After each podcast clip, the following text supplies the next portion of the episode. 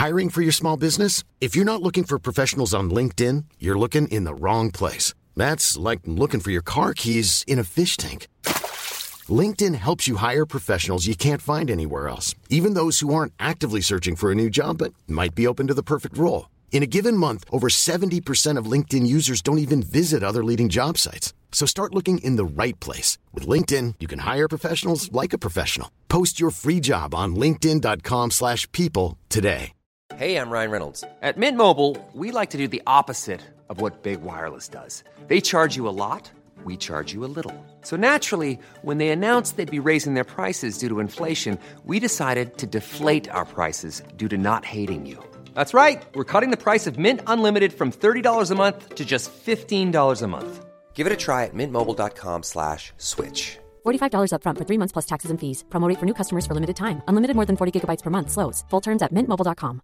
Imagine the softest sheets you've ever felt. Now imagine them getting even softer over time. That's what you'll feel with Bowl and Branch's organic cotton sheets. In a recent customer survey, 96% replied that Bowl and Branch sheets get softer with every wash. Start getting your best night's sleep in these sheets that get softer and softer for years to come. Try their sheets with a 30-night guarantee. Plus, get 15% off your first order at bowlandbranch.com. Code BUTTERY. Exclusions apply. See site for details.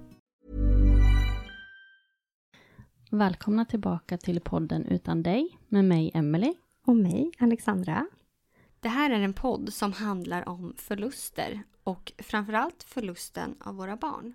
Vi kommer att prata osensurerat och öppet från våra hjärtan. Vilket kan göra att innehållet väcker mycket känslor. Alla sörjer olika och det finns inget rätt eller fel. Men risken finns därför att någon kan ta illa upp. Men vi hoppas att våra lyssnare inte ska ta illa upp på något sätt.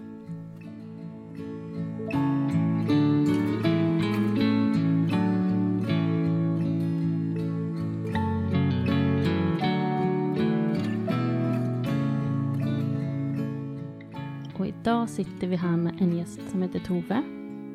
Som vi har bjudit in främst för att prata om din son Theo. Som dog till följd av en hjärntumör. Eh, Men sen vill vi ju såklart också veta mer om vem du är som person och hur, hur du lever med din sorg idag och ja, men vart den har tagit dig. Och sen har du också skrivit en bok som du gärna får berätta mer om också. Men jag tänker att vi lämnar över ordet till dig, om det känns okej, så får du börja berätta lite om, om en, vem du är. Tack snälla ni för att jag får komma och gästa er. Jag heter Tove Oddsdotter och eh, jag, boken jag har skrivit heter När jag blundar är du fortfarande här. Och den släpptes i februari i år, 2023, och den handlar då om min son Theo som jag förlorade i en hjärntumör. Det var 2015, i början på 2015. Så ehm, det är snart, nu när vi pratar idag, det är ju åtta och ett halvt år sedan nästan han dog, eller lite mer. Börjar komma mot år nio, det känns konstigt, men så är det. Tiden är ju abstrakt. Eh, Jag, eh, jag är 50 år. Jag kommer från Jämtland. eh, Flyttade ner till Stockholm i början på 90-talet. Jag, på mitt CV så står det att jag är modedesigner. jag brukar kalla mig för kreatör.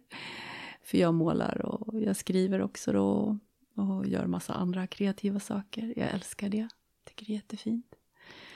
Um, jag har inga fler barn. Uh, Theo var eh, uh, vårt enda barn. Uh, jag har varit gravid väldigt många gånger, men jag har fått otaliga missfall. Försökte räkna på det här om dagen hur många år det var jag egentligen försökte liksom bli gravid och det var väl 15 år. Och någonstans där i mitten, eller i början så blev Theo till så. Men jag har haft många missfall innan och även efteråt. Och även varit inne i hela den här IVF-karusellen. Så är det väldigt mycket länge. Mm. Alla som har försökt att bli gravid vet ju hur det är varje månad när mensen kommer.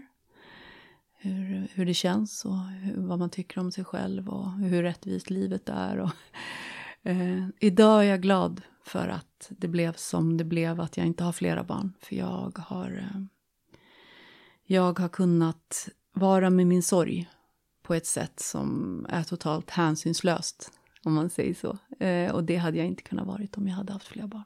Så det finns en tacksamhet i att jag inte har fler barn idag också. På något sätt. Det gör det absolut.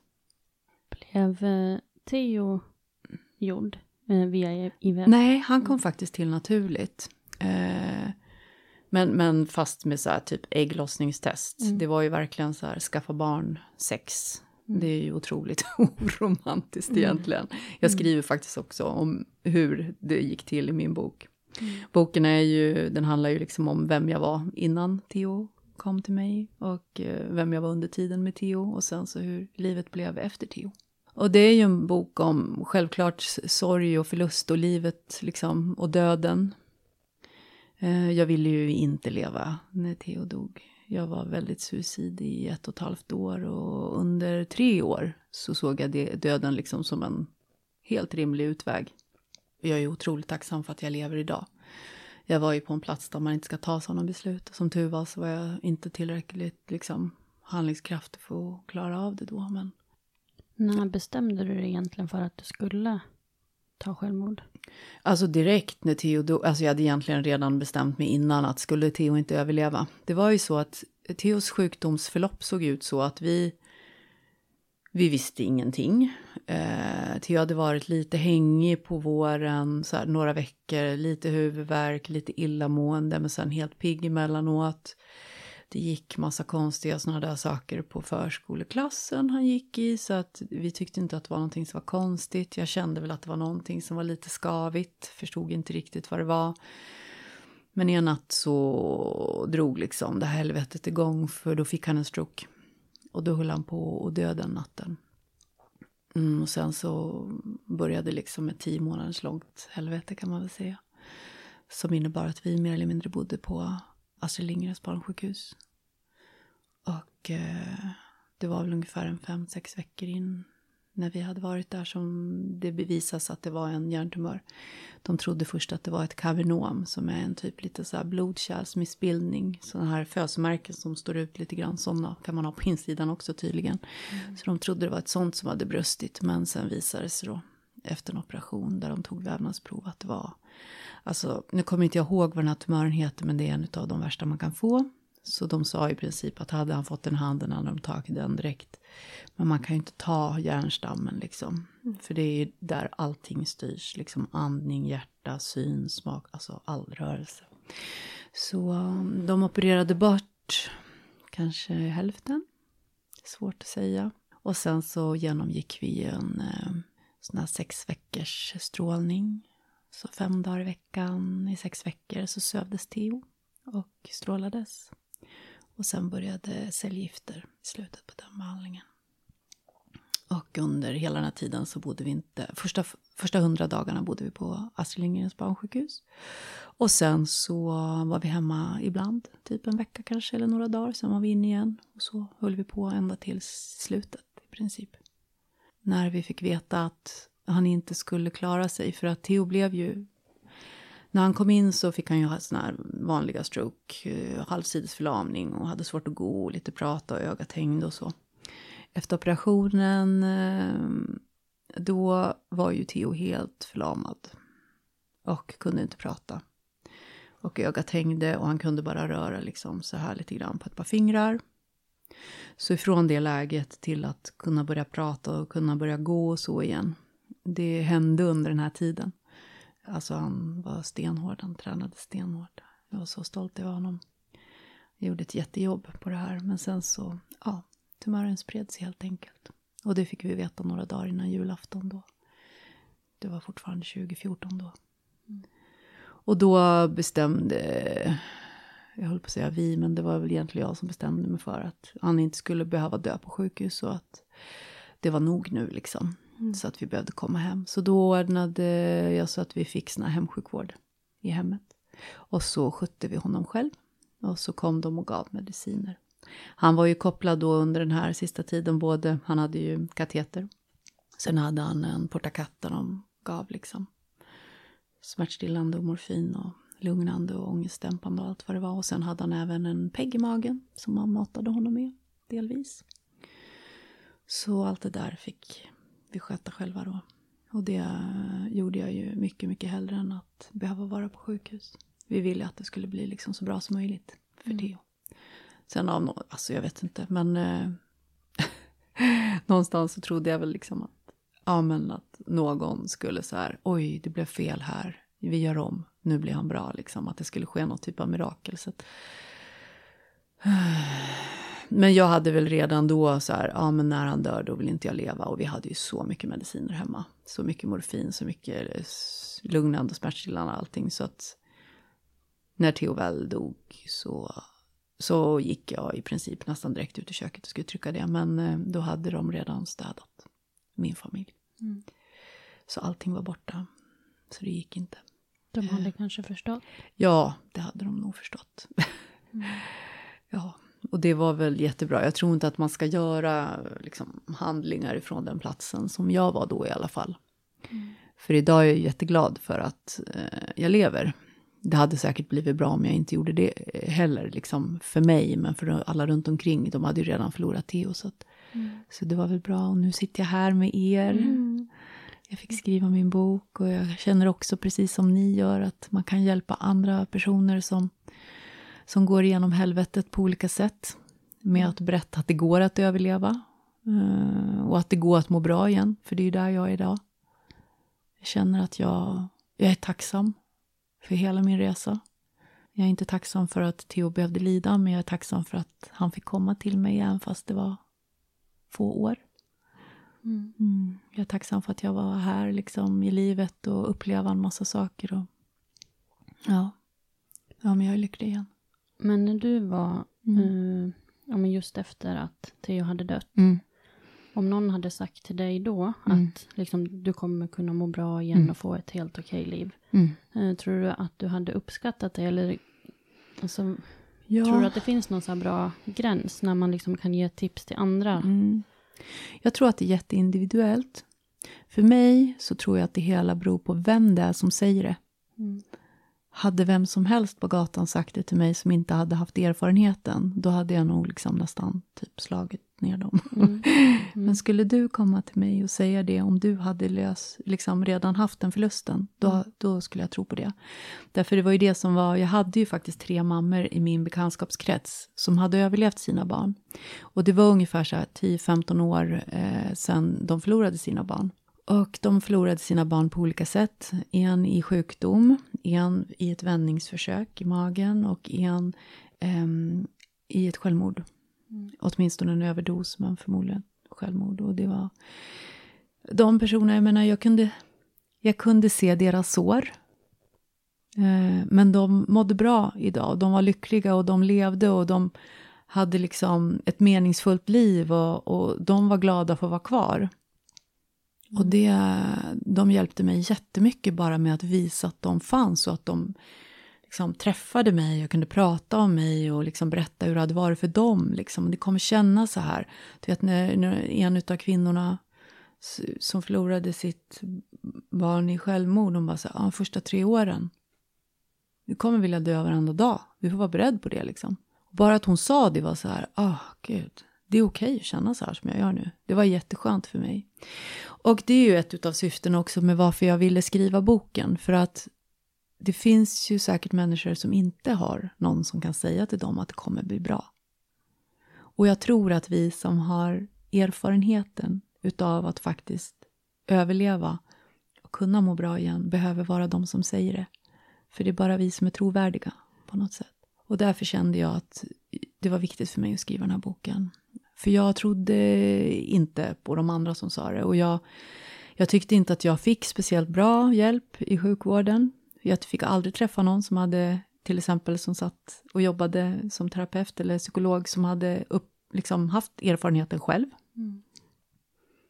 Vilket gjorde att jag hade ju, de hade ingen förståelse för, för den platsen jag var på. Jag var djupt deprimerad och suicid, de träffade sådana människor.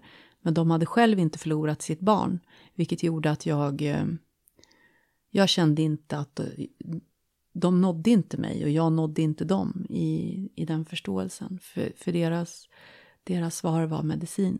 Och jag känner att jag hade sorg, jag var inte sjuk. Så jag behövde få sörja, det var jätteviktigt för mig. Att jag blev också accepterad i att få sörja. Att livet inte bara kan fortsätta och gå. Utan att hela världen stannar ju när man förlorar sitt barn. Det måste få vara okej. Okay. För det är det värsta man kommer någonsin gå igenom i hela sitt liv. Mm. Och den tiden måste man få och ge sig själv. Liksom. Man kan inte springa ifrån sorg som jag brukar säga. Man, man, man kan inte skjuta den framför sig heller. Man måste gå igenom den. Mm. Sen tar det olika lång tid beroende på vem man är och vad man har för verktyg och så. Men sorg måste man gå igenom. Man måste känna den, man måste våga känna den. Man måste liksom förstå vad som har hänt. Man måste också hitta någon typ av acceptans. Man kanske inte kan hålla med om att det var bra, men att man ändå accepterat att det har hänt. Jag letade efter Theo på skolgårdar i fyra år. Mm. Alltid när det kom in barn på tunnelbanan trodde det var han. Liksom. Tyckte jag hörde honom. Till slut fick jag liksom bara säga, nej men jag måste acceptera att du är död, att du inte kommer tillbaks. Mm. Och sen också det här förlåtelsearbetet man måste göra.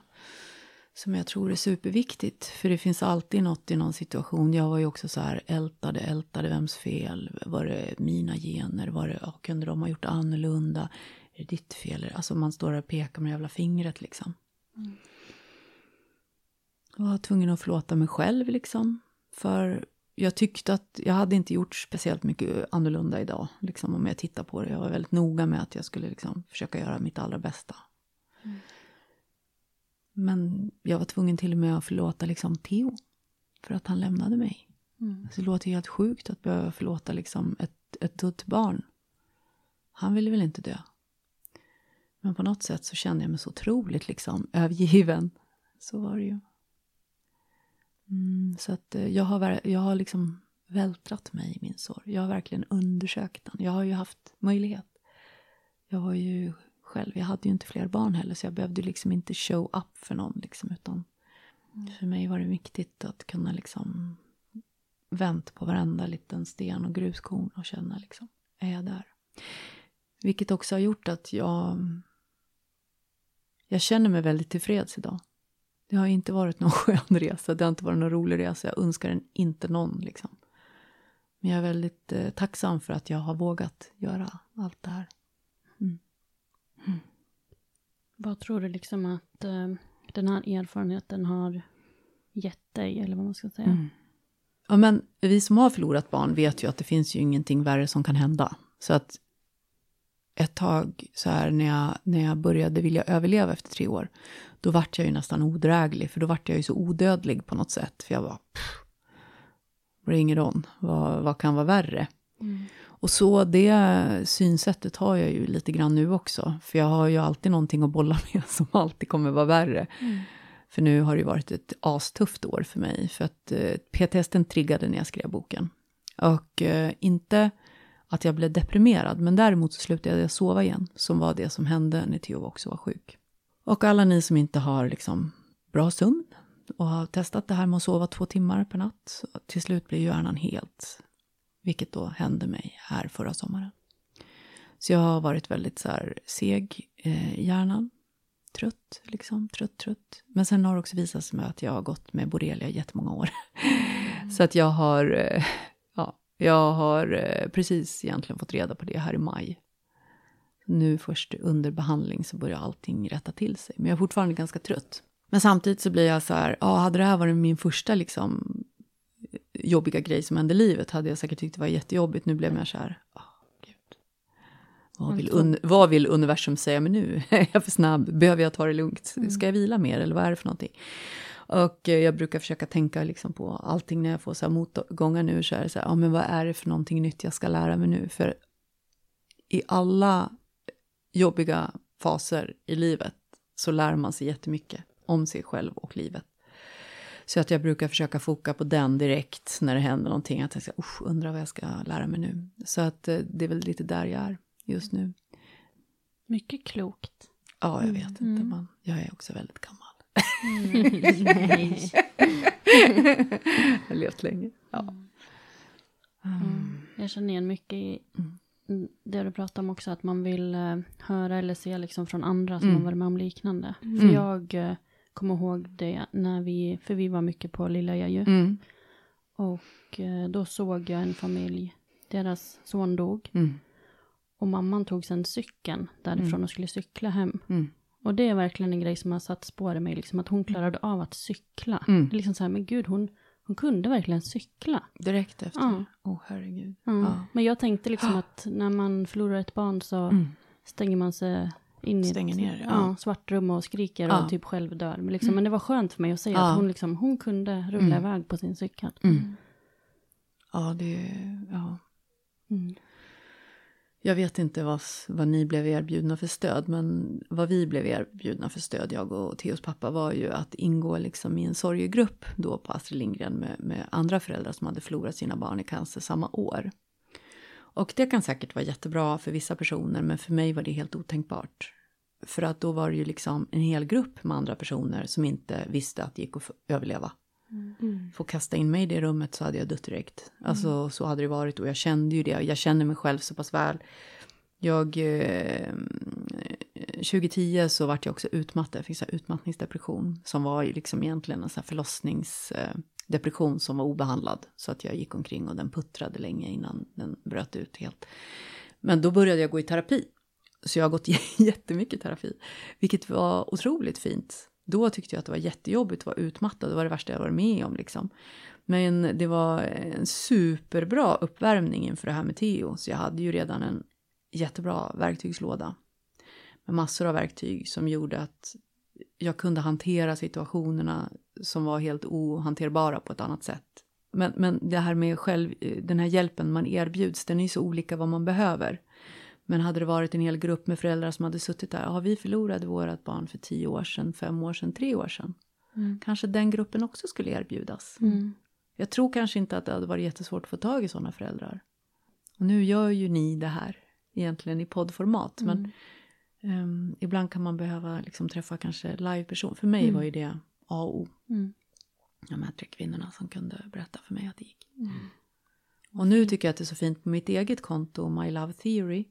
Så är det ju så många mammor och pappor som faktiskt, det är faktiskt mest mammor som är hos mig.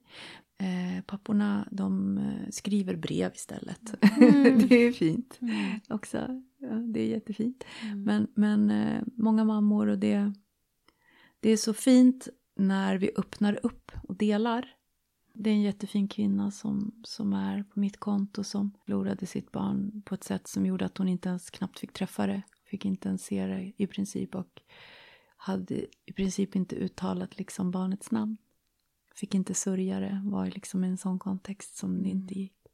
Men hon skrev barnets namn på ett inlägg som jag gjorde och det var så himla fint. Då grät jag faktiskt. Det var otroligt starkt och fint att man känner att, att det finns en plats där ingenting annat är tryggt. Att det finns en plats där man faktiskt kan vara trygg. Mm. Och med andra personer där man vet att det är kärleksfullt. Mm. Att det är andra som har förståelse för vad man varit med om. Och har man inte förståelse så, så har man åtminstone empati när man är på Mm. sådana konton som vi har. Mm. Ja, det är jätteviktigt. Ja, Gemenskapen Ja. och liksom förståelse. ja, och känna att man inte är ensam. Mm. Ja. För det är ju det att man tänker så här, gud, hur, alltså, att det ens kan hända. Det är helt sjukt, men att det händer ju så många. Mm. Det är så många. Mm. Tillsammans så är vi ju mycket starkare. Mm. Och det är väldigt fint. Mm. Men eh, förutom de här tre Mm. eh, kvinnorna då. Mm. Vad har liksom varit bäst och sämst stöd för dig Mm. att ta dig dit du är idag? Mm. Jag ha, hade då, sen jag var utmattad innan då, 2010, jag en fantastisk terapeut som heter Helena Broander. Och vi hade ju jobbat jättemånga år tillsammans. Just då, när Theo blev sjuk, så hade vi inte jobbat på något år sådär. Jag hade inte ens kontakt med henne. Men hon var nog en av de absolut första som jag ringde då. Så Helena kom till oss på sjukhuset för att den kuratorn som vi fick är tilldelad vårt första möte med henne. När vi började berätta så satt hon och grät. Mm. Det blev väldigt, väldigt konstigt när vi hade fått höra att vi hade ett dödssjukt barn med hjärntumör liksom, som förmodligen inte skulle klara sig. Och vi fick sitta liksom, och titta på henne när hon grät. Och det är mänskligt för det är en svår situation men jag tänker också att det här vi var inne på, att lämpligheten när man jobbar med sådana här saker med föräldrar och svårt sjuka barn, det är alltså det är jätteviktigt. Mm. Eh, Vi fick inte byta kurator. Vi fick ta henne eller inte någon. Mhm.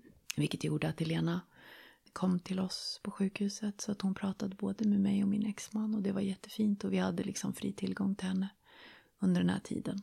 Mm. Och eh, så hon har varit mitt absolut bästa stöd under den tiden. Sen så hade jag ju jättefina kompisar och min familj har ju varit helt magisk. Den var jätte, jättefin, ställde upp. Eh, Den största delen av min familj, alltså min mamma och pappa och min syster bodde uppe i Jämtland och min bror bodde kvar här i Stockholm då. Men de kom ner allihopa och hjälpte till och var superfina liksom. Med jättemycket fina vänner såklart. Som kom fram och även sådana som man inte kanske ens trodde var ens vänner. Som dök upp. Vet inte om ni var med om det. Att det är så här. Vissa vänner som man trodde att man hade. Som man var tajt med bara försvann. Mm. Och sen så klev det fram så här personer som var så här som supermänniskor. Och bara gjorde hur mycket som helst. Som man knappt hade sagt hej till knappt innan. Mm. Jag vet inte, hur var det för er? Känner ni igen den eller hade ni? Jo, men känner igen absolut. Mm. Mm. Ja, det verkar som att det är ganska många som har haft det så. Mm. Mm. Att de man trodde skulle hjälpa inte Ja. gjorde det medan Ja. de som man inte ens Nej, hade en tanke på kom och verkligen var ja. klippor. Mm. Jag funderade jättemycket på det där för jag hade inte så mycket tid att bli besviken. Jag var besviken på de som svek Theo. Det var ju liksom mm, bland annat en utav hans nära, väldigt nära kompisar som, som liksom, ja, den mamman inte tog ansvar och liksom kom med sitt barn. Och det är ju jättesvårt att förklara för ett, ett så sjukt barn varför inte hans bästis som man alltid hänger med, Mm. liksom varenda dag, året runt, inte kommer. Och att hitta på svepskäl för det, alltså oh, då var jag jättearg. Sen har jag försökt fundera över mina egna kompisar. Alltså jag vet ju inte själv hur jag skulle reagera om det hände min, en jättenära kompis. Vi allihopa bär ju på olika typer av trauma. Cancer är också en sån här sjukdom som de flesta personer har ju någon i sin familj som har gått bort eller är svårt sjuk eller någonting. Så att det kan ju trigga väldigt mycket trauma. Jag hade ju också mycket erfarenhet eller kunskap om trauma och, och, och sådana saker. Så att jag försökte inte dumma men det kan också vara svårt när, ehm, när det är någon som är så nära som inte show up. Och, och vissa personer har ju rensat ut sig själv och de är jag inte vän med idag. Eh, och andra personer har vi, vi har kunnat prata om det liksom. Och, och vi har kunnat eh, enas om vad som hände och hur vi ska gå vidare i vår vänskap. Och det har funkat bra också. Så att, Mm. mm, men eh, ja, just då, det var så kaosigt med Theo. Han höll ju på att dö så många gånger under de här tio månaderna. Så att det sista jag hann liksom ha koll på var vilka som var närvarande riktigt. Det var de här som inte fanns för Theo. De har jag väldigt så här, jag, jag måste ju förlåta dem för de har ju inte mer kapacitet än så men jag har väldigt svårt att förstå. Mm. Att man inte kan sätta sig in i situationen och ställa upp för ett barn som är så sjukt. Mm. Jag tycker det säger ganska mycket om vem man är som person. Men ja, vi har alla våra liksom grejer som blir triggade. Men, mm. Jag hoppas för min egen del att skulle det hända liksom, att jag inte är en sån person. Då hoppas jag att jag finns där. Men hur är det nu när det ändå har Mm. gått en tid? Mm. Pratar liksom din omgivning mycket om Theo? Mm. Ja, alltså min familj, vi pratar alltid om Theo. Och mina syskon är superduktiga på att prata om Theo. Det finns alltid bilder liksom på honom, både hos mamma och pappa och mina syskon. Och jag har ju sex stycken eh, syskondöttrar nu. Och det var bara tre utav dem, nej vänta nu, en, två, tre. ja. Det var tre som fanns när, när Theo, liksom innan Theo blev sjuk. Och sen föddes ett par tvillingar under tiden han var sjuk. Och sen har det kommit en till liten då. Som är fem nu. Och alla de känner ju Theo. Mm. Det är ju egentligen, ja, Theo var ju äldst. Och han var ju, så att de var ju väldigt, väldigt små när det hände. Men alla känner Theo för de pratar så pass mycket och det är Theos lego, de pratar med Theos saker och de frågar alltid liksom, Theo är Theo, i början så var det så här, Theo är Theo död? Ja, är du ledsen? Ja, jag är jätteledsen. "Ja, Du kan få mig som ditt barn. Men så här, du vet, barn tänker så här, ja, sitter Theo på månen nu och äter godis? Ja, det gör han säkert liksom. Jag vet inte, men vad tror du? Så det var ju mycket sådana frågor när, man, när de var små och sen nu, nu är det mer, de checkar liksom av nästan varje gång ändå. Så, ja, Theo, blev du ledsen när Theo dog? Ja, jag blev jätteledsen. Jag är också ledsen liksom. Ja. Men även den här lilla som är fem år tycker jag att hon känner Theo. Så att mina syskon, de har gjort ett fantastiskt jobb måste jag säga. Jätte, jätteduktiga är de. Det känns viktigt. Och det är många personer som blir undvikande när de vet vad sådär, ja, jag har varit med om. Men nu när jag skrivit en bok så har det blivit lite lättare för du förstår ju folk att jag pratar öppet om det. Och jag säger det alltid. Så här, jag pratar öppet, det finns ingenting som är Eh, jag pratar inte om andra personer helst liksom vid namn och vad de gör nu och så. Men, men vad som gäller mig och vad som gäller Theo, inga problem. Jag tycker det är viktigt. Mm. Det är ett sätt för mig också att hålla honom levande. Ja. Mm. Absolut. Mm. Jag vet inte, ni som har träffat många som har pratat. Jag tycker att alla våra poddgäster vill Mm. prata om sina döda barn. Mm. Mm. Sen tycker jag liksom, och Mm. av egen erfarenhet, Mm. att många i min närhet pratar inte så mycket som jag önskar. Även Nej. fast jag tycker att jag liksom påpekar och tjatar lite och Mm. sådär. Men eh, sen Mm. är det jättemånga andra som kan skriva till mig eller Mm. prata om han Mm. eh, som Mm. ja, aldrig har träffat han eller inte Nej. känner mig så jättebra. Mm. Så det är ju, Fint. ja, Mm. absolut. Man får tänka på liksom att alla har så olika kapacitet, vad Mm. de har tillgång till för egna känslor. För det, det krävs ju att man kan sätta sig ut liksom, över sig själv. Och vad man Mm. själv har för rädslor och så och försöka finnas där för en annan person. Mm. Så är det. Mm. Mm. Mm. Men jag tänker också att jag var nog lite så förut, liksom innan jag förlorade ett barn. Mm. Att jag tänker liksom att nej men det vill den, den nog inte prata om för Mm. att då blir Mm. den ledsen liksom. Mm. Men man är ju det hela tiden. Och Ja, man blir ju mer ledsen av att den inte inkluderas alls. ja, precis. Så jag tänker de som lyssnar nu och inte vet hur man ska göra, man kan Mm. alltid liksom fråga då, då. Vill du prata eller inte? Ja, och det har jag faktiskt skrivit om i boken också. För det var så himla fint. När människor liksom vågade säga så här. Alltså jag vet inte hur jag ska möta dig nu. Jag känner mig jätterädd och otrygg och jag vet inte liksom. Vad vill du? Hur, hur vill du bli mött? Vill du prata om det? Vill du inte prata om det? Jag är rädd för att börja gråta när vi pratar om det liksom. Hur känner du? Jag vet inte hur jag ska göra. Alltså så himla skönt och befriande med människor som säger så. Därför vem vet? Mm. Det är ingen som vet hur man ska hantera en sån här Mm. grej. Det enda man kan liksom säga är så här, jag vet inte. Mm. Vi behöver inte veta allting.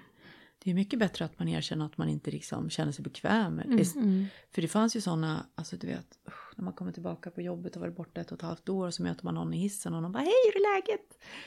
Och man bara, jo, eh, det är sådär, du vet, Theo dog. Ja, ah, jag vet, jag hörde det. Man bara, Mm. då blir man så här, ja. Mm. Eller man kan säga så här, ja men hej, vad fint att se dig igen, liksom, jag beklagar. Eller, Mm. hur mår du idag? Mm. För på det stora hela så är det så här, det är väldigt svårt att fråga på det här, hur är läget? Ja, det är ju fan pest hela tiden egentligen, liksom första tiden. Men man kan ju ha små stunder. Så jag brukar fråga liksom, hur mår du just nu? I den här stunden Mm. som vi är just nu. Inte ens så här, hur mår du idag, utan hur Mm. är du just nu? Mm. Vad behöver du just nu? Liksom. Finns det någonting jag kan göra just nu? Sen är vi alla jätteolika. Vissa personer vill inte prata om det alls. Liksom. Mm. Och det måste ju också respekteras. Så är det ju. Och kanske är det det att de som är gäster här är sådana som vill prata om Ja, sina barn. Så. Absolut. Eh, Men jag tror att vi har heller inte, de flesta av oss har inte heller liksom fått lärt sig så mycket om att prata om känslor och döden. Jag vet, vi pratade ju nästan aldrig om döden hemma, förutom när det var riktigt hemskt. Liksom. Och det var ju att min mamma hade förlorat sin mamma när hon var 13 år. Mm. Det förstod man ju, usch, det vill man ju inte vara med om när man växte upp. Så det Mm. hade jag ju dödsångest för. Sen dog också min mammas moster hemma hos oss när jag var fyra år. Oj. Hon var gammal och jätterökig sådär. Så att hon, hon dog i sömnen. Det var ärtat som bara stannade och så. Men när man är fyra år och liksom har varit redan nära döden så. Då, Ah, alltså det här med döden är ju svårt. Och jag kan tänka mig, vi har alla olika så här, uppfattningar och eh, referenser vad det gäller död. Så att det får man ju vara lite ödmjuk för. Hur folk hanterar det. Men mm, man behöver inte veta tänker jag. Man kan fråga. Mm. Och döden är ju så abstrakt. Man förstår ju egentligen inte döden först. Vad är de säger man? 6-7 eller någonting. Så det är väl då det brukar komma. Det blir liksom någonting som man... Allting som man inte förstår blir ju ännu läskigare. Mm.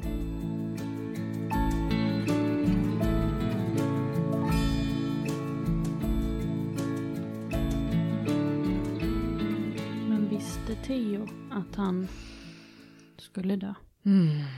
Alltså Theo var nog, alltså det är svårt att vara objektivt när det är ens barn men han var ju sjukt smart. Han var ju mycket smartare än vad jag är. han, även när de gjorde det här hjärntestet på honom så liksom bräckte han alla så här, tonåringar. Fast han hade hjärnskada och opererat hjärnan så var han ju så här, han var ju supersmart.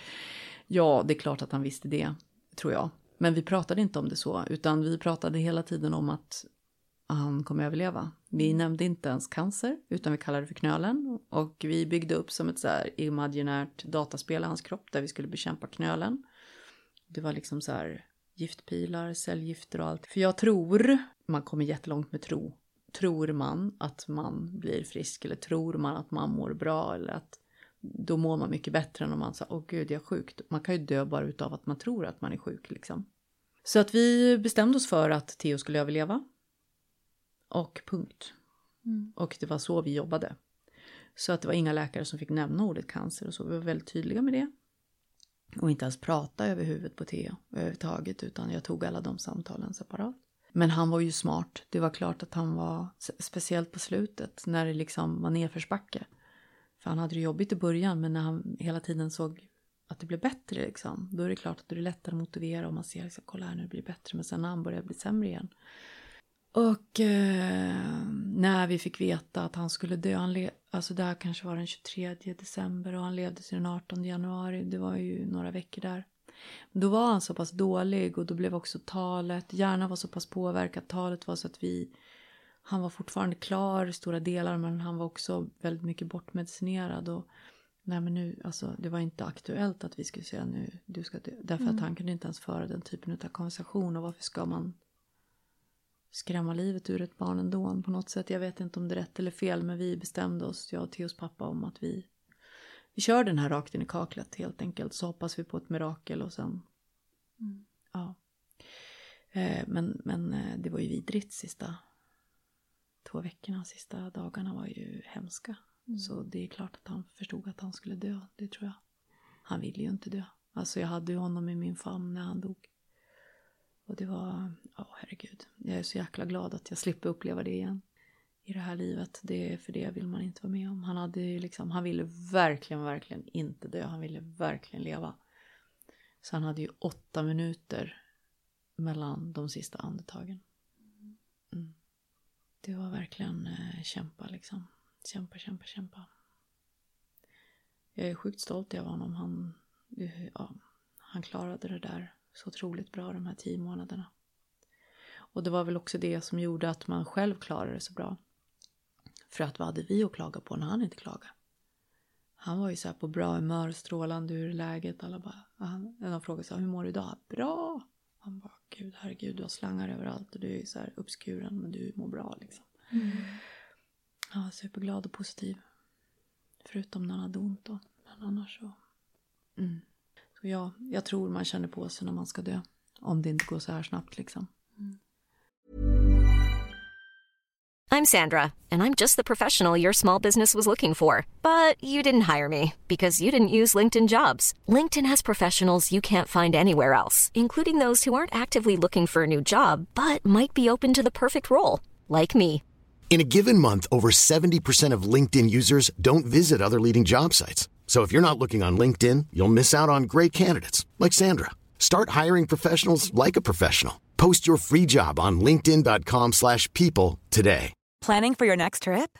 Elevate your travel style with Quince. Quince has all the jet-setting essentials you'll want for your next getaway, like European linen, premium luggage options, buttery soft Italian leather bags, and so much more. And is all priced at 50 to 80% less than similar brands.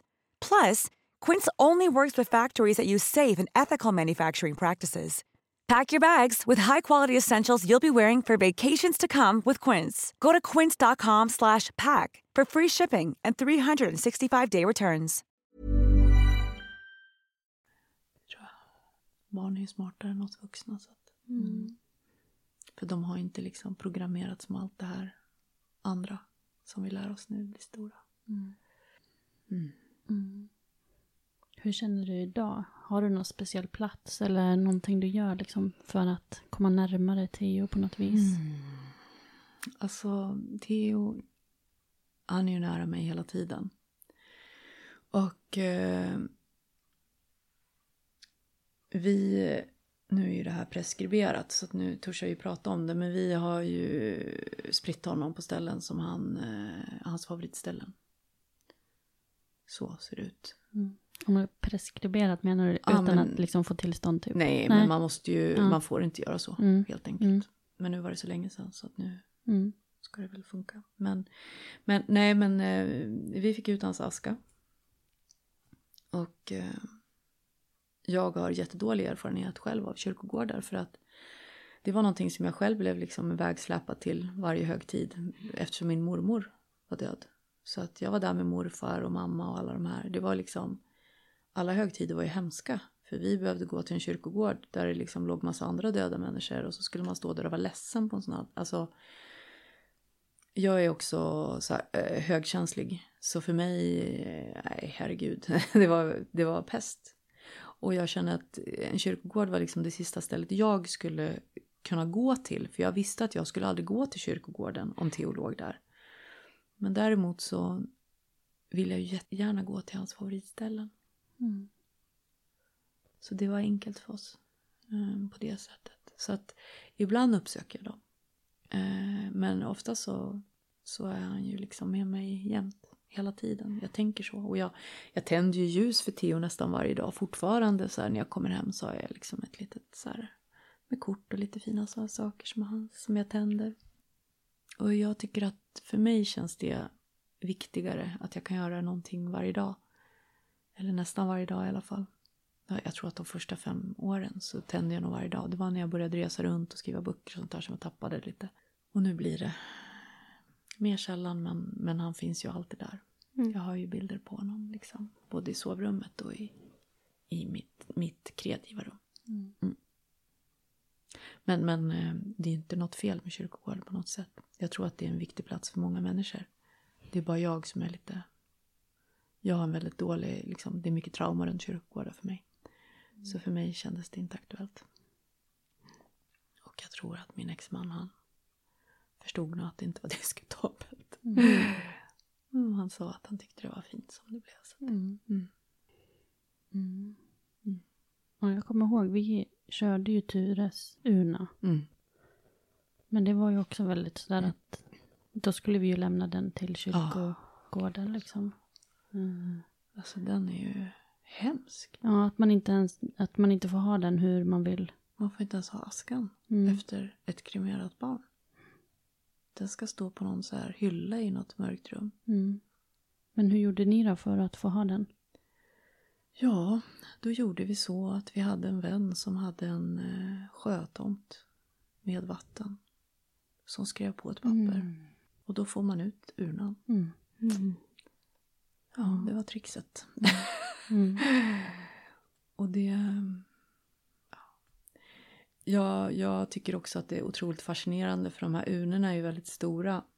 Oftast. Även barnurnorna. Så vi hade en ljus stor sån här furuurna tror jag det var. Furu. När jag öppnade den så var det typ så här lite på den. Alltså du vet. Mm. En vuxen människa säkert lite mer aska men ett barn det är ju liksom typ en handfull så här. Mm. Men Ska det vara var något det? att bråka om? Mm. Så kände jag Mm. lite grann. Hur det var? Ja, det var ju fruktansvärt. Det var ju liksom... Jag har ju um, sedan väldigt tidig ålder haft en förmåga att dissociera och gå ur kroppen. Att jag kan göra saker, liksom, jag kan pressa mig själv nästan till vad som helst. För att jag har en förmåga att liksom kliva ur mig själv. Det låter kanske supermärkligt men det funkar på det sättet. Vilket gör att jag, ja, jag klarar nästan vad som helst. Och det här var ju en sån gång så att jag kunde ju se mig själv både utifrån mina egna ögon men jag kunde också se mig själv utifrån. När jag stod och gjorde det här. Jag beskriver det faktiskt precis hur det gick till i boken. Eh, och det var en jätte... Jättespeciell eh, och otäck liksom på många sätt händelse eller erfarenhet att vara med om. Men samtidigt så är jag så glad att jag gjorde den. Är jätteglad för att jag gjorde det på det sättet att jag inte tillät någon annan berätta för mig vad som var okej. Eller hur det skulle göras. Det var samma sak, de ville ju hämta Theo också till bårhuset när han dog. Och jag bara, varför då? Då Då började de prata om så här, typ ob- ob- obduktion. Och jag bara, varför då? Han hade cancer, ni har redan skurit. Det fanns slutskuret. Han ska inte iväg någonstans. Varför skulle ett barn vilja ligga på liksom ett bårhus? Så han låg ju hemma hos oss i två, två och ett halvt dygn nästan innan vi fick kremera honom. Och jag är jätteglad för att jag vågade säga nej. Mm. Och att jag vågade säga nej så jäkla många gånger under den här tiden. Och att jag kände på vad som kändes rätt för mig. Jag säger inte att jag hade rätt. Men jag kände vad som kändes rätt för mig. För det är väldigt få moment som jag känner att jag hade kunnat gjort bättre. Eller som jag ångrar eller att jag inte var med. Jag var med hela tiden och jag bäddade i kistan. Jag var där när han, jag var där när han liksom blev till och när han dog och under hela tiden. Och bäddade i kistan och den gick in i liksom kremeringsugnen. Jag satt kvar och väntade på askan. Fick se den i den lilla papplådan som, är, som ska stå på den här hyllan inne i kremeringsrummet där. Fick liksom plocka ut askan och fick sprida den. Och Jag är jätteglad för att jag har varit med i alla momenten. Därför att annars så vet jag hur jag är som person. Jag skulle övertänka, för jag är en övertänkare. Då skulle jag fundera på hur var det där? Hur skulle det där gå till? Men vad hände då?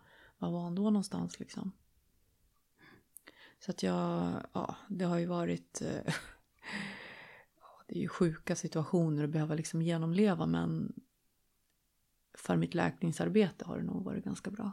Tror jag. Att jag har känt att jag har varit med alla, i alla avsnitt, alla kapitel av hans liv. Mm.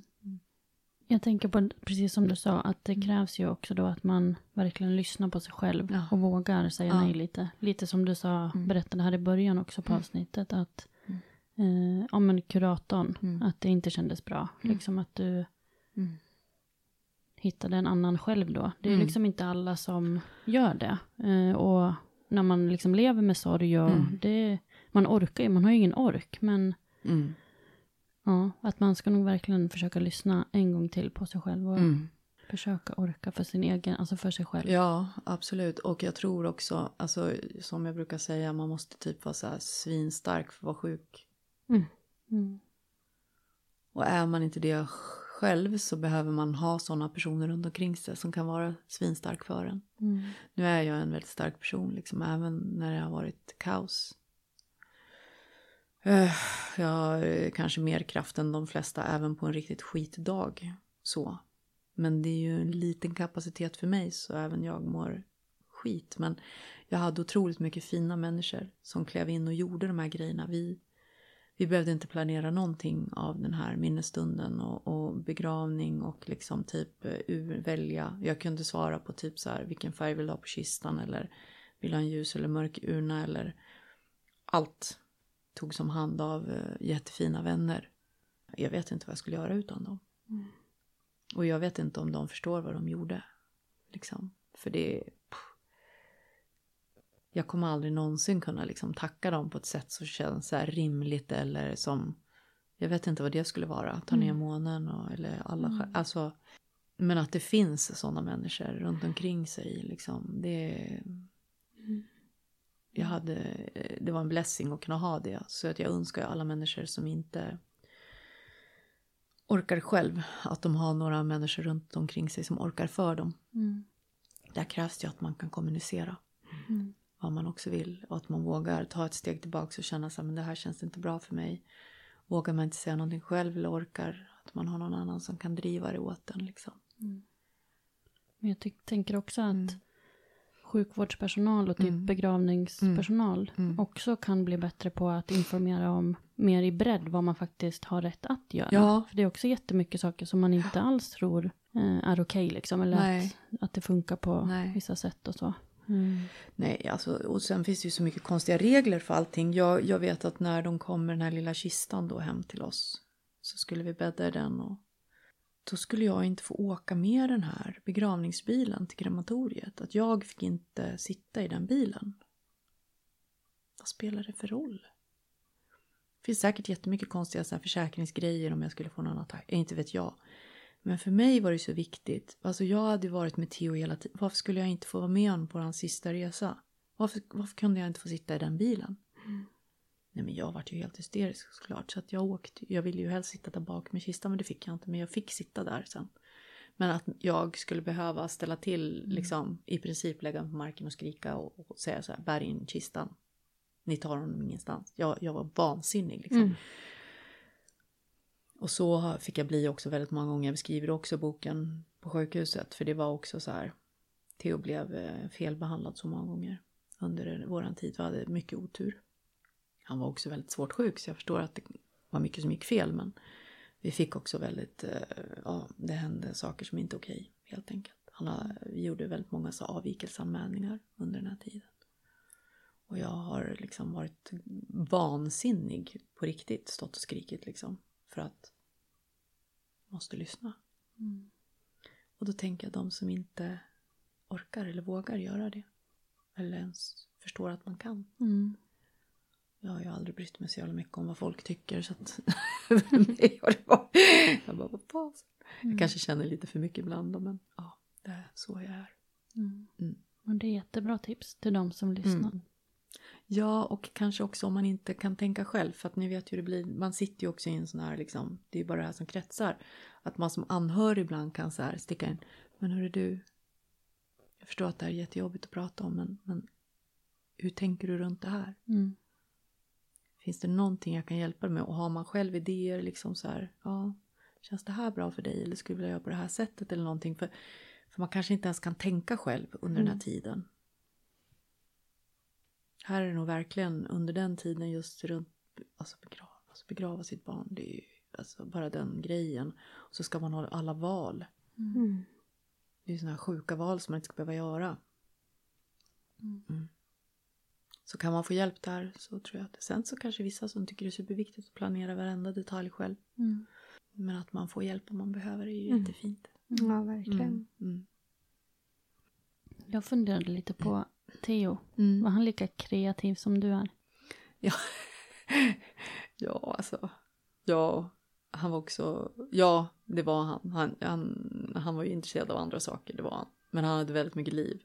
Han hade väldigt mycket liv. Han var ju alltid igång och gjorde saker och alltid glad och nyfiken. Där är vi ju gemensamt. Nyfiken på allting, vill alltid testa allting. Sen så tror jag eh, det som tyvärr kan hända när man bara har ett barn och när man har kämpat för att få ett barn och att det här barnet blir ganska bortskämt. För det var han ju. Han skämtade ju själv och sa att han var världens lataste och det Mm. vi hade curlat honom ganska mycket så. Han var inte lat på det sättet. Uh, han var väldigt hjälpsam och så. Mycket humor och skrattade jämt och tyckte det var liksom busigt och spännande. Och han var otroligt kärleksfull. Uh, sen hade inte han tålamod.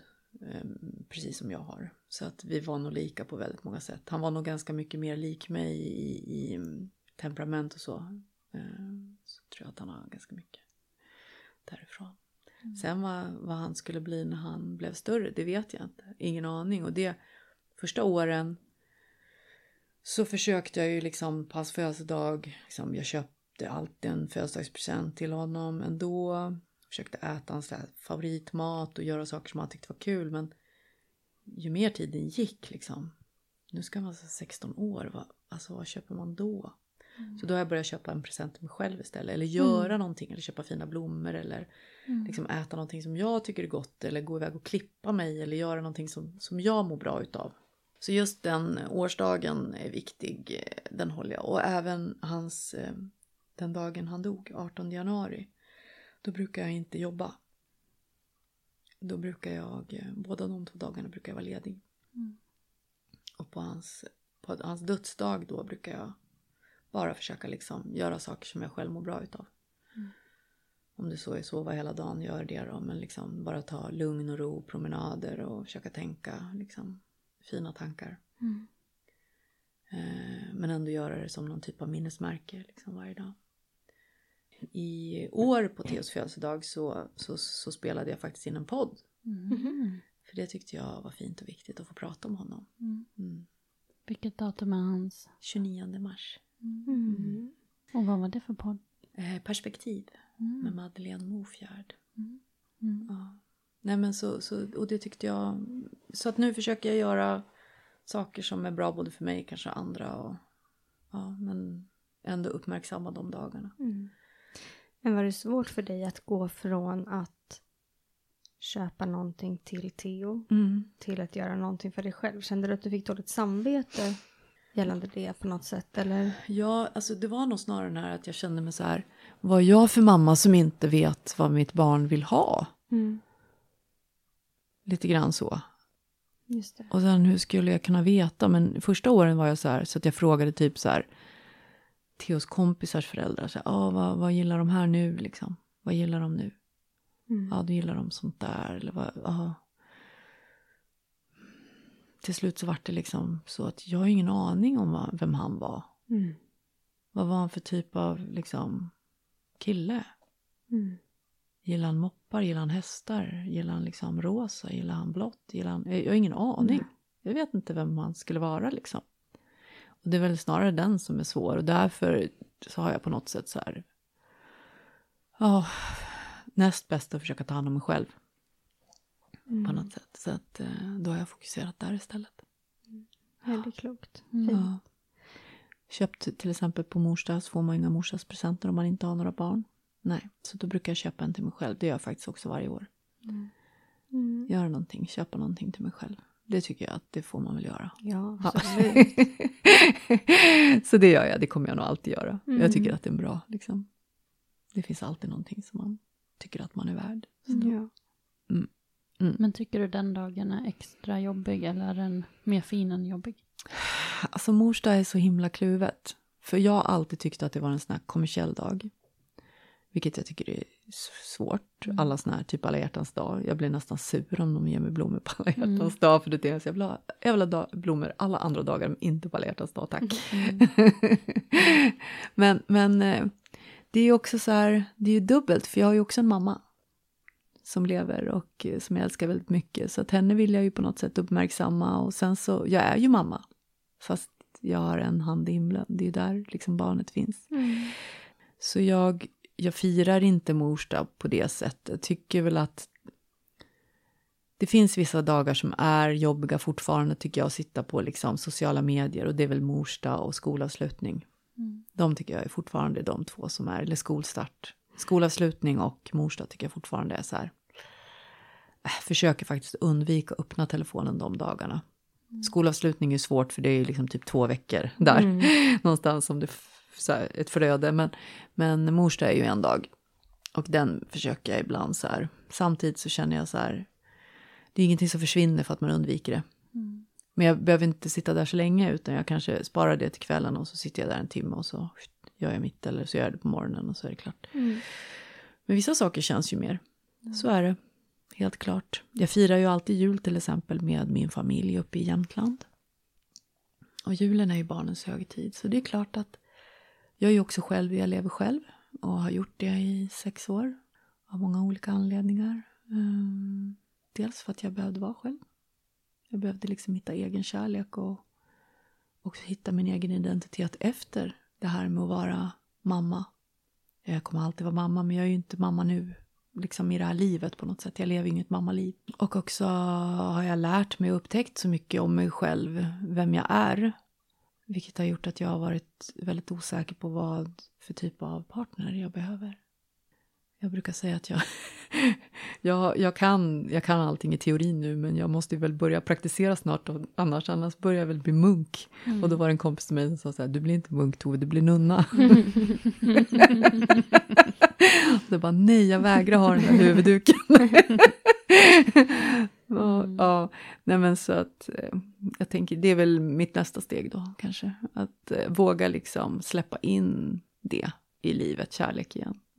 Jag har jättemycket kärlek i mitt liv. Jag känner det till så, jag har extremt mycket kärlek i mig liksom till vänner och, och, och familj och, och jobb och naturen och allt möjligt så. Men just det här liksom också träffa en partner är ju, jag förlorade ju allt på bara tio månader. Så förlorade jag liksom mitt barn, min man, mitt äktenskap, mitt hem, mitt liv, liksom min framtid. Och egentligen ett och ett halvt år, om vi räknar så, så hade jag också förlorat ett till barn i magen. Liksom precis att jag eh, är attached till liksom min familj och så. Men att, att bjuda in någon i livet igen som man också kan förlora, för det är ju det. I och med att du säger ja till att älska någon så skriver du också under på att du kommer förlora den personen. På något sätt. Mm. Via sjukdom, död, separation liksom. På något sätt så kommer du förlora den personen. Och jag var inte beredd att förlora flera personer som jag älskade. Så har det varit ända fram tills nu. Mm. Har jag förstått ganska nyligen. Men nu känner jag så här, ja men det är ju livet. Mm. Man kanske inte ska säga nej till någonting bara för att man är rädd för det. Man kanske ska utmana det istället och se vad det bär. Mm. Men hur skulle det vara att eh, ha, leva i en relation med en person som inte kände Theo?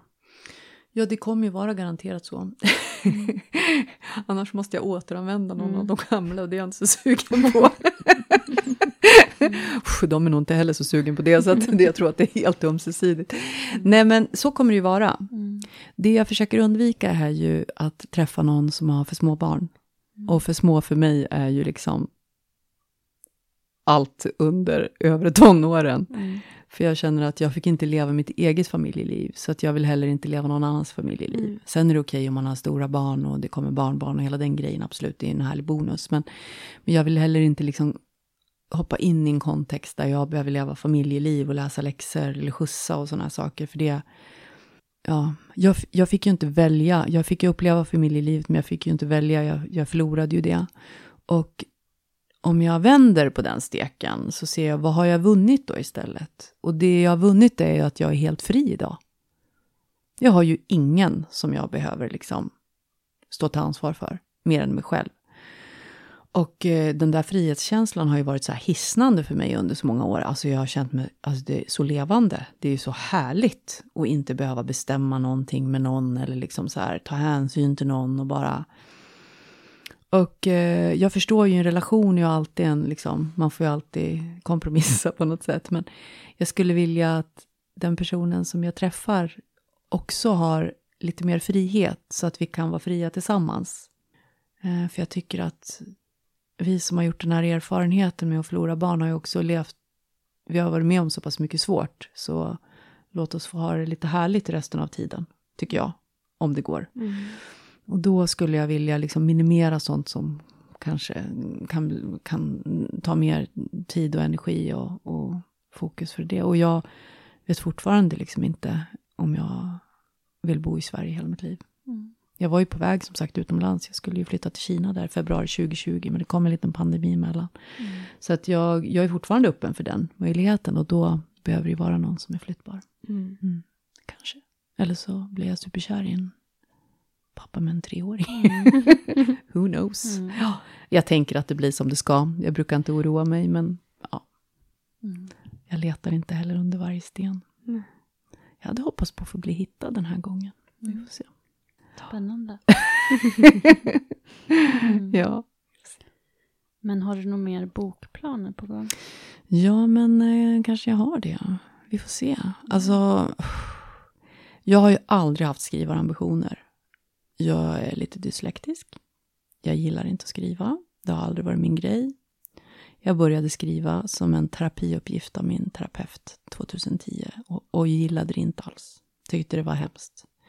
Men jag såg också terapeutiskt skrivande väldigt nyttigt för det, för att du skriver ur dig. Det här, apropå det här med att liksom tumma ur det som finns på insidan, tror jag att det är väldigt viktigt. Så att jag fortsatte att skriva terapeutiskt syfte och boken grundas, också del två i boken grundas ju på de Instagram-inlägg som jag gjorde eh, under Tios sjukdomstid. För då blev det vår kommunikationscentral, mitt Instagram-konto där våra vänner och familj följde oss då, och, och skolpersonal och klassföräldrar och sånt där. Eh, för att det var så mycket krisigt med Theo så jag hade inte tid att hinna prata telefon liksom. Och eh, det blev väldigt många som till slut följde, massa folk som jag inte känner också. Och jag förstod att det jag skrev rörde vid folk. Det var inte min ambition alls. Min ambition var väl egentligen bara för att kommunicera. Och sen var det många som hörde av sig till mig som sa att det jag skrev om gjorde skillnad för dem. Och det tyckte jag först bara, va? Hur, det här är ju... Ja. Och sen så blev det så pass många. Eh, och sen så var det flera som tyckte att jag skrev bra. Och det var också en sån här grej. Jag bara, va?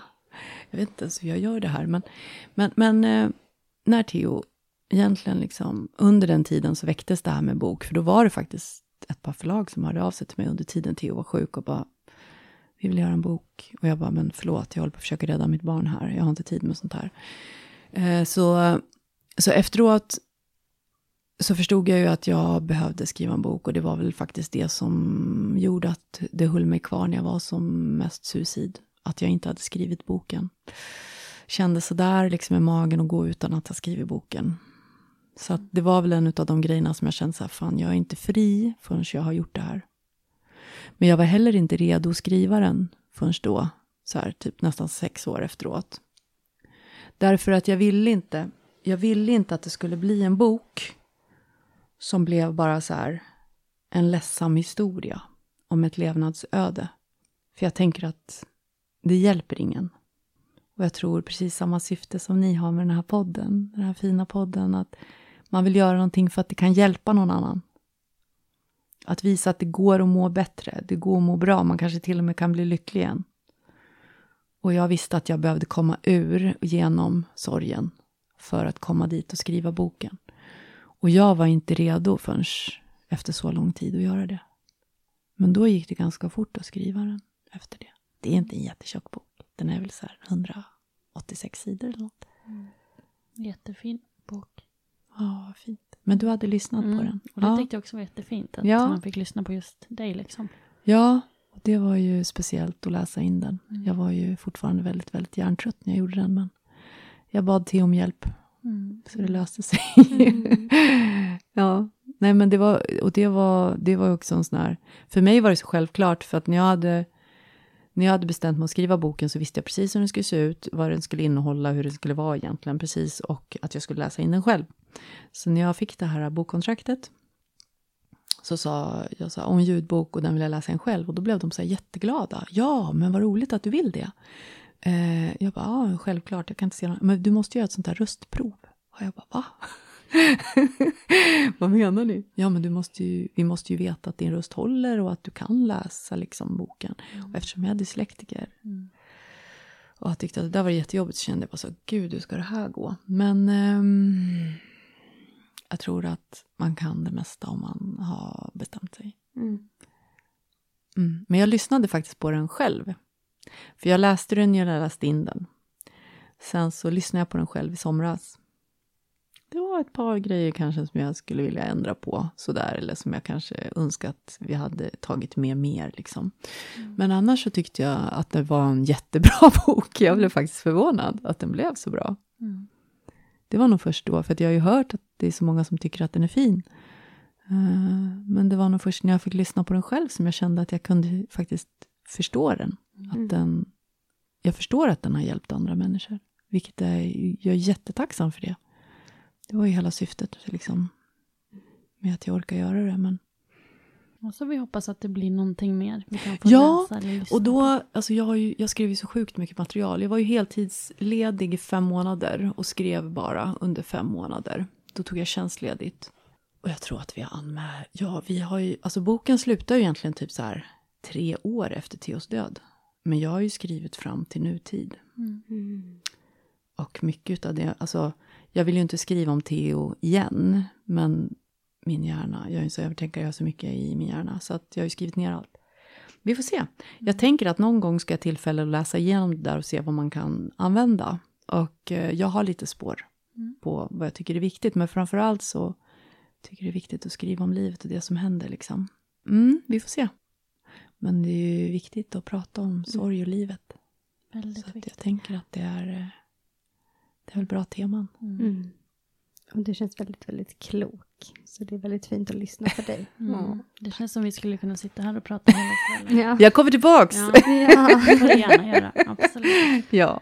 Men jag tänkte faktiskt fråga dig, Mm. om det är en person nu som Mm. lyssnar på det här avsnittet Mm. och är självmordsbenägen, för Mm. du var ju Mm. Väldigt nära på att Mm. ta ditt egna Mm. liv. Har du någonting som du skulle vilja säga till den personen då? Oh, så prata om det, berätta det för någon. Alltså på riktigt, sök hjälp. Mm. Det är ingenting som man ska behöva sitta med själv. Och i mitt fall så var det så här, jag sökte hjälp men fick ingen hjälp. Mm. Eh, svaret på mitt rop på hjälp var medicin. Och jag vill inte ens se mer mediciner. Liksom. Och jag, det har aldrig funkat för mig att äta medicin för jag blir ännu sämre. Och då visste jag att skulle jag ta det, då hade det varit kört för mig. Men prata med nära och kära, vänner eller familj och vad det är, berätta om hur det känns. Och be också om liksom, hjälp via sjukvården. Och man ska inte vara rädd för medicin, tror jag. Känns lite så här dubbelt att sitta och säga det, för jag själv aldrig har kunnat ätit. Men jag är en sån person som, jag kan inte ta en Alvedon utan att få de här biverkningarna som är en på miljonen. Jag är inte kompatibel med medicin. Det verkade ju inte Theo heller vara, för han svarade inte heller så bra. Så jag vet inte om vi har något, om det är något genetiskt eller vad det är för något, I don't know. Men jag, jag reagerar inte ens på en, normalt på en liksom, huvudvärkstablett eller en allergitablett. Så att för mig var det inget option. Men eh, prova medicin, det finns många, många olika sätt. Det finns också väldigt mycket bra sätt, typ traumaterapi, som man kan göra nu för tiden som inte jag hade någon koll på då. Och det sista man kanske orkar är ju att hålla på och googla runt, men man kanske har någon vän som är duktig på det. Mm. För att det är viktigt. Och nu finns det faktiskt sorgeterapeuter. Det fanns det, tror jag, en person när jag, eh, när Theo dog, som man kunde så googla sorgeterapi. Mm.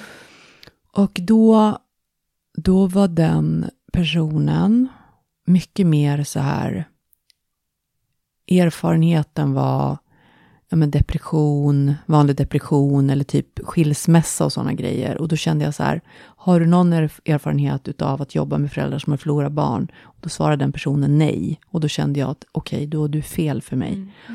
Så jag hade ju hela tiden min terapeut som är jätteduktig. Och hon är inte rädd för döden. Hon har jobbat med jättemånga som, som har varit nära döden och som också har dött. Och har haft, förlorat anhöriga. Så hon var totalt orädd, vilket var jätteskönt för mig. Mm. Men berätta det, prata om det alltid prata om det. Ingen ska behöva liksom avsluta sitt liv. För att även fast det känns som att det är världens bästa lösning, eller den enklaste lösningen, så är man på en plats där man inte är kapabel egentligen att ta det beslutet. Därför man är ju liksom sjuk mm. av sorg. Och är man sjuk ska man inte ta beslut. Liksom. Mm. Jag tror ingen ifrån en lycklig plats skulle säga att de vill dö om man kan säga det från en lycklig plats, då kanske det är dags. Men, mm. men om man vill ta det beslutet utifrån sorg, så ska man inte det, för att man kommer må bra igen. Mm. Alla kan må bra igen. Det är liksom ett jobb att utföra, att må bra. Det är ju så här, en dagspraktis. Mm. Jag måste öva varje dag på att må bra. Jag har mina så lektioner som jag gör varje dag. Liksom i meditation eller shaking eller breathwork eller träna eller äta eller vara ute i naturen, träffa bara människor som vill mig gott och som liksom är härliga. Men ta hand om mig själv, sova ordentligt, se till att man jobbar med saker som man gillar. Mm. Så ta inga beslut ifrån den platsen. Ta hjälp. Mm. mm. Viktigt. Mm. Verkligen. Mm. Och mycket sådana tips ger ju du också i boken. Mm. Och nu har vi pratat mycket om boken ja. och nämnt att jag bland annat har lyssnat på den. Ja. Så då kan vi passa på att nämna också vart man hittar den om man vill lyssna. Ja, eh, vill man lyssna på boken så finns den på alla såna ljudbokstjänster. Storytel, eh, Bookbeat, Nextory. Där hittar man den. Sen kan man även köpa den som ljudbok på Adlibris och Bokus och så. så. Och sen finns den inbundna boken på Adlibris och Bokus och Akademibokhandeln. Och i, faktiskt i många bokhandlar har jag sett den. Mm. Jag blir jätteglad. Mm. För jag tycker att det är, en, liksom, det är en ganska smal bok. Men de hade den till och med på Gotland när jag var där nu i somras, i den mm. bokhandeln. Så att jag, jag blir jätteglad när jag ser den. Mm. Och den finns på bibliotek. 119 bibliotek.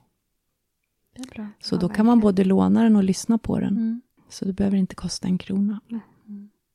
Och för mig, det här var inget projekt som jag tjänar pengar på. Tvärtom, jag har förlorat jättemycket pengar på det här projektet. Men jag visste det från början och det var inte det som var vinningen i det här, utan min vinning var att få prata om Theo, få hjälpa andra personer att förstå att det går att må bra igen, även om det värsta liksom händer en. Mm. Mm. Mm. Då kommer vi in lite på, för mm. vi brukar ofta prata om att man ska äga sin sorg. Mm. Så vi brukar också fråga våra poddgäster hur de äger sin sorg.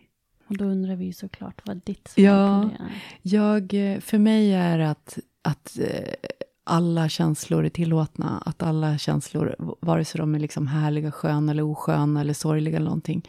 Jag låter alltid alla mina känslor få, de är alla lika välkomna. Sen är det mycket härligare att känna sköna känslor än osköna, men alla har ett syfte och en plats.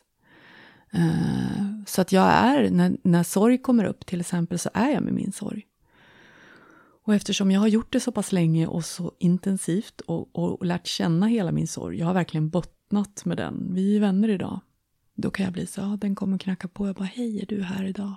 Ja, okej, okay. men då tar vi en dag. Mm. Där vi bara liksom myser, du och jag, typ. Och då tar det typ en kvart, så är det bra igen. så fort går det oftast för mig. Ibland, det var någon gång här nu i våras när jag var så lite rutten i min borrelia också som jag kände så ja ah, men då höll jag faktiskt på en hel dag. Då var jag lite så här, gud, det tog en hel dag, sorgen idag. Jag tror till och med att det höll på en halv dag till nästan. Mm. Då kändes det, ja men då har jag kanske inte liksom varit tillräckligt mycket mer än då på länge eller någonting. Så att jag tycker att det är viktigt att våga vara, för det finns ju ingenting med sorg som är farligt, även fast det kan vara extremt oskönt. Men ju, ju snabbare du kommer liksom in i sorgen och blir vän med den och lär känna den, alla ansikten som jag brukar säga, desto skönare blir det liksom när den knackar på. För den kommer ju alltid av en anledning. På något sätt behöver du ha en ventil, en release eller att någonting som du inte har tittat på på ett tag. Liksom. Eller att du får en trigger för någonting, att du ser en film med ett barn som dör.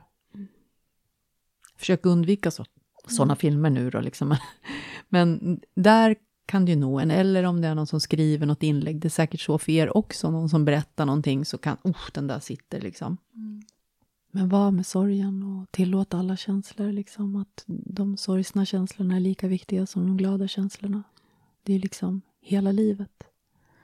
Det känns lite grann som också att vi har på något sätt blivit programmerade i att vi alltid ska vara lyckliga, att det är där man ska eftersträva att lycka är liksom. Är du inte lycklig så är du misslyckad.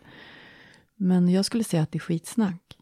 För hela livet är ju liksom ett spektra av alla känslor och vad vore livet utan det här spektrat? Det vore ju fattigt mm. på något sätt. Och då skulle du heller inte uppleva eh, de glada stunderna, de ljusa stunderna lika, lika liksom intensivt. För jag kan tänka mig att vi som har förlorat barn, som har varit, vi, kommer aldrig vara med om någonting som är värre. Vi har ju också tillgång till det allra högsta på något sätt, där man verkligen också kan känna en tacksamhet när man är lycklig. För man vet hur jädra oskönt det är att vara nere på botten. Liksom. Mm. Man kanske inte kommer dit på en gång, men man kommer komma dit om man inte... Har man förlorat barn nu och inte kan känna den känslan, kan jag säga att man kommer dit. Jag kände, jag brukar säga att jag kände att jag kunde vara så här 70 procent glad i säkert fem år. Mm. Så kunde jag aldrig vara så här 100 procent glad, kände mig aldrig 100 procent glad. För det var alltid liksom det här svarta sorget som men nu kan jag känna att jag är 100% glad. Jag kan till och med säga att jag är typ så 110% glad för att jag blir så otroligt glad när jag får bli så lycklig och glad, när jag njuter. När livet är så här härligt så blir jag så här, men gud, tänk att få vara med om det här mm. efter allt det jobbiga. Mm. Så otrolig tacksamhet över det. Så mm, var med alla känslor. De är en gåva. Mm. mm. Ja, jättefint. Ja, verkligen. Mm. Tack för att jag fick komma hit. Tack så mm, jättemycket Tack för att du mm. ville det. Så mm. fint att få vara med er. Mm. Ni gör så viktigt jobb. Tack. Tack. Jag är så glad för det. Mm. Det jag önskar att ni hade funnits när jag förlorade Theo. Mm. Tack. det är en sån gåva ni ger till alla. Tack snälla. Var rädda om era hjärtan. Tack så jättemycket för idag. tack.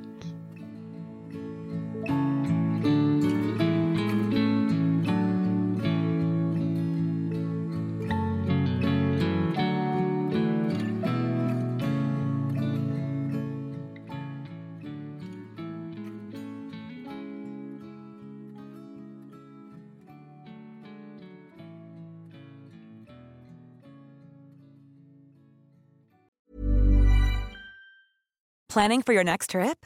Elevate your travel style with Quince. Quince has all the jet setting essentials you'll want for your next getaway, like European linen, premium luggage options, buttery soft Italian leather bags, and so much more. And is all priced at 50 to 80% less than similar brands. Plus, Quince only works with factories that use safe and ethical manufacturing practices. Pack your bags with high-quality essentials you'll be wearing for vacations to come with Quince. Go to quince.com slash pack for free shipping and 365-day returns. Imagine the softest sheets you've ever felt. Now imagine them getting even softer over time. That's what you'll feel with Bowl and Branch's organic cotton sheets. In a recent customer survey, 96% replied that Bowl and Branch sheets get softer with every wash. Start getting your best night's sleep in these sheets that get softer and softer for years to come. Try their sheets with a 30-night guarantee. Plus, get 15% off your first order at bowlandbranch.com. Code BUTTERY. Exclusions apply. See site for details.